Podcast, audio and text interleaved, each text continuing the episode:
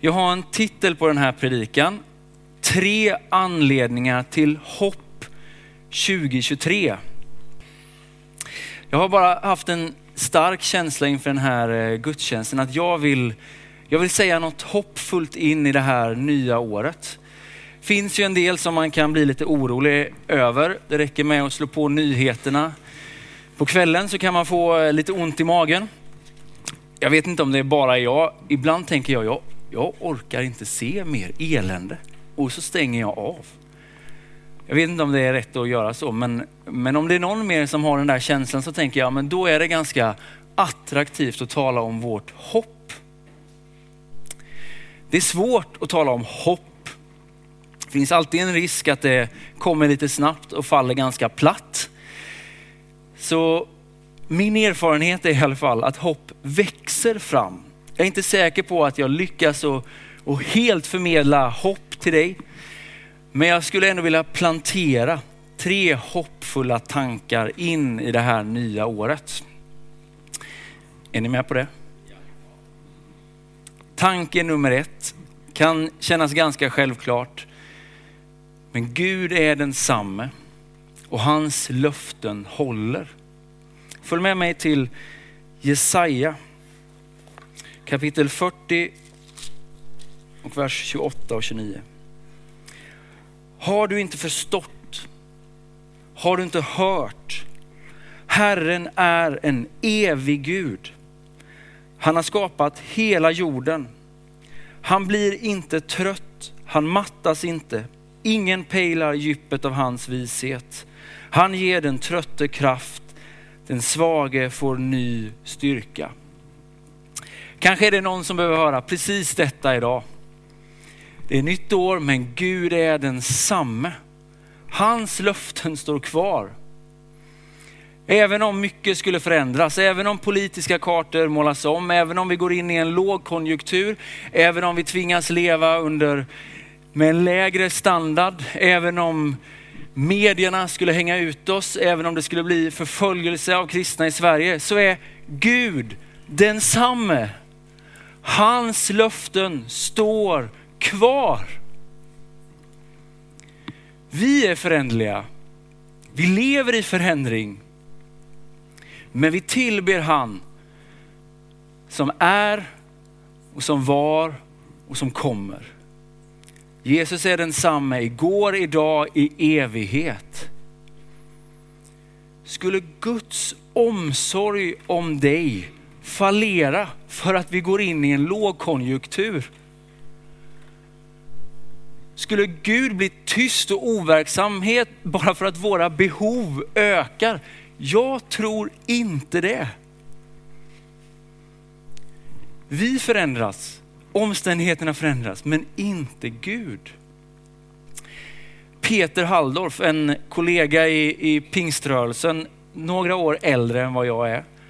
Hans fru Kristina ska ha sagt så här, att jag har varit gift med tre män och alla har hetat Peter. Vi förändras, men Gud förändras inte. Och min bön för det här året, det är att vår församling skulle få uppleva mer av Guds omsorg. Lyssna på det här bibelordet. Det är Paulus som skriver till församlingen i Korint, en församling där det verkligen fanns både rika och fattiga. skriver så här. Gud förmå ge er allt gott i överflöd. Så att ni alltid har allt vad ni behöver. Och själva kan ge i överflöd till varje gott ändamål. Det står ju skrivet, han strör ut, han ger åt de fattiga, hans rättfärdighet varar i evighet. Jag önskar att den här sanningen skulle få slå igenom allt brus. Gud är den samme. Hans löften står kvar. Det var den första hoppfulla tanken som jag vill att du ska marinera ditt nya år med. Gud är densamme, hans löften står kvar. Den andra tanken, den har att göra med i vilken tid vi lever. Och nu kommer jag behöva rita lite på den här tavlan. Jag gör ju det ibland. Vi får se vem som kan gissa vad det här är. Först. Det är väldigt, väldigt svårt att gissa. Så att jag bara... Ja. Två gravida magar som möts. Sen andra världskriget så har USA varit en global supermakt som har bevarat freden i världen. Den amerikanska drömmen, det har varit den tydligaste bilden vi har haft av det goda livet. Vi har levt i de här värdena av valfrihet, valmöjligheter, att kunna resa fritt, konsumtion, ett sekulär eh, ideologi. Det här har varit vattnet vi har simmat i. Ständig utveckling och framgång. Jag skulle vilja argumentera för att de senaste 20 åren så har sprickorna i den här fasaden blivit ganska påtagliga. Om vi spolar tillbaka bandet 20 år ungefär så är vi någonstans i början av 2000-talet. Jag minns i alla fall precis var jag var någonstans när den här fruktansvärda terroristattacken hände 11 september 2001. Det skakade en hel värld. Efter det hade vi en finanskris 2008. Vi märkte kanske inte av den så jättetydligt här i Sverige, men det, det är den största globala finanskrisen sedan 1930-talet.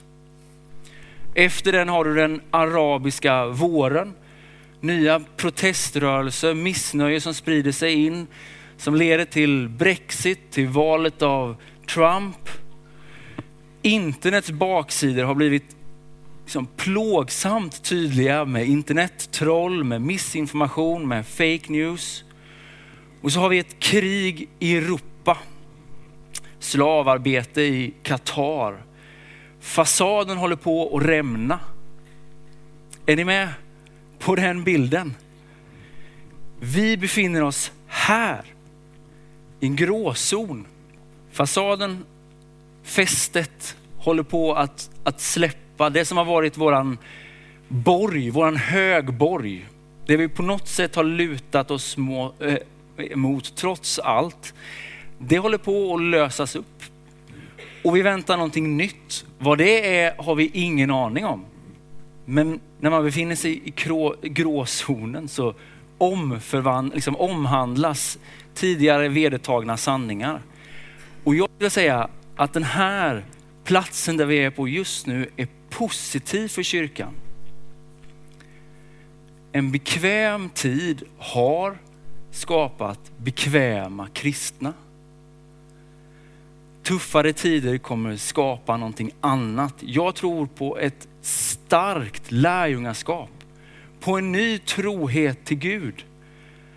Jag tror att vi är i en så spännande tid när våra gamla fästen brister, när våra gamla avgudar visar sig vara stoff och damm, så har vi alla chanser att skapa nya fästen i Gud. Han är våran borg.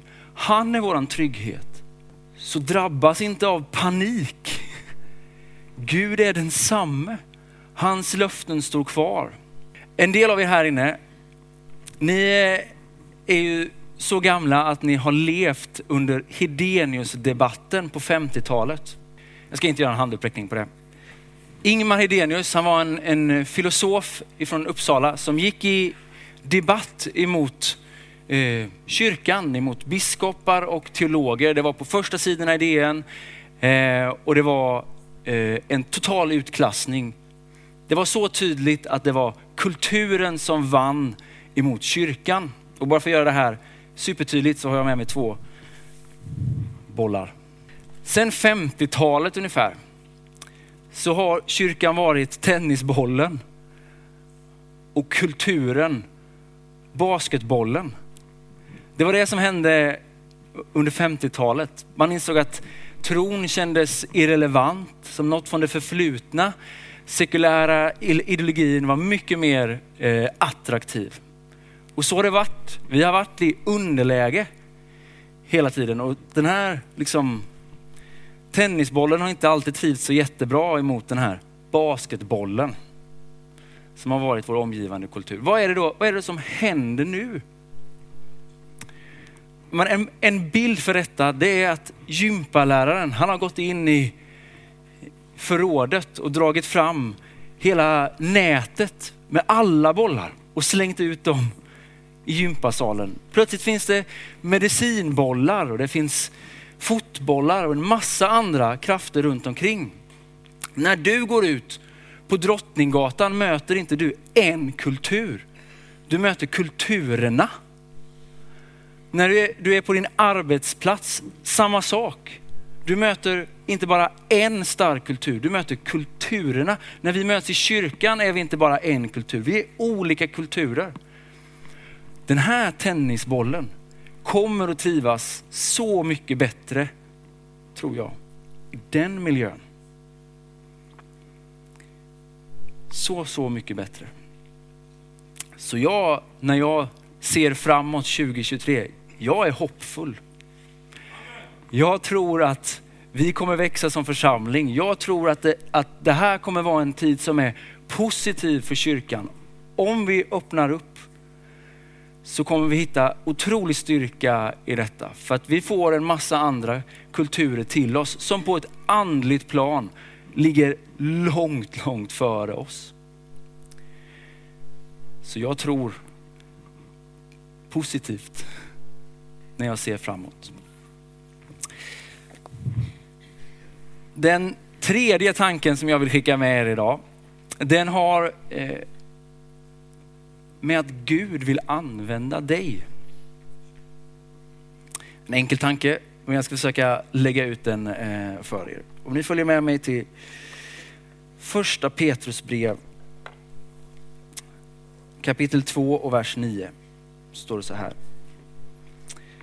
Men ni är ett utvalt släkte, kungar och präster, ett heligt folk. Guds eget folk som ska förkunna hans storverk. Det är de här verserna som Luther, Martin Luther, reformatorn, läser på 1500-talet. Och för Martin Luther så flyger de här verserna upp i Bibeln. Ni är utvalda präster. Det vill säga, jag behöver inte en präst för att vara en sann tillbedjare. Jag är en präst. Det är det man brukar kalla för det allmänna prästadömet som föds någon gång där på 1500-talet. Jag tror att vi har tappat bort det där. Vi har tappat en del av det stora i detta. Någonstans har vi blivit mer av individualistiska konsumenter längs vägen. Hur många av oss är inte ganska vana med, jag räknar in mig själv, att recensera gudstjänster. Ungefär som att liksom skriva något på Tripadvisor om ett hotell. Ni vet predikan, ja den var bra. Eller så var den inte bra. Lovsången, ja, den var för högljudd. Oh, vad sa egentligen eh, mötesledaren? Och varför ska man egentligen gå till kyrkan när man kan liksom ligga hemma i soffan i långkalsonger och streama bättre predikningar? Ni är utvalda präster. När du ligger hemma i soffan och pillar dig i naveln, ja, men då är det, det är en präst som saknas i kyrkan. Det är en präst mindre. Det är en person som inte lyfter sina händer i tillbedjan. Som inte är med och ber till en helig Gud. Du kan tillbe i skogen, du kan tillbe på vägen till ett jobb, absolut. Men det här, den fysiska gudstjänsten, det är våran gemensamma tillbedjan. Här samlas vi som ett heligt folk, utvalda. Jag tror vi skulle behöva en reformation 2.0. Det här skulle bli, bli ännu tydligare i våra liv och i våra sammanhang. Ni ska få en till sportliknelse. Jag borde vara helt förbjuden egentligen att säga någonting om fotboll. Jag såg inte en enda match från VM i Qatar. Jag har spelat fotboll i nio år i min ungdom. Jag gjorde ett, och, ett mål och det var ett självmål. Och jag har insett att jag, jag fortfarande bearbetar det här traumat. Och jag för över det på mina barn. Harald han, han har gått bollskola den här hösten, varje lördag. Varje gång jag kliver in där tänker jag så här, varför utsätter jag honom för det här? Harald är ju som pappa. Lagsport är inget för honom. Men en sak har jag lärt mig om fotboll och det är att de absolut största fotbollsexperterna, de hittar man på läktaren. De har händerna i kors. Det är de som ropar, men domaren. Det är de som vet när den här passen skulle ha getts. Det är de som vet vilken yta som skulle ha täckts. Men de står inte på planen. De har ingen chans att påverka någonting och jag kan lova dig att läktarplats blir obekvämt och tråkigt i längden. Om du vill vara med och göra någonting, ja, men då är det på planen du ska stå, inte på läktaren. Vi skulle vilja bli fler i vår församling som säger, här är jag, jag är tillgänglig och jag vill vara med. Vi behöver gå från vad kan jag få till vad kan jag ge? 595 medlemmar. Lågt räknat, kanske 300-350 aktiva gudstjänstbesökare. Igen, lågt räknat, kanske 100 aktiva volontärer. Tänk, vad skulle kunna hända om vi gick från 100 till 300 aktiva volontärer 2023?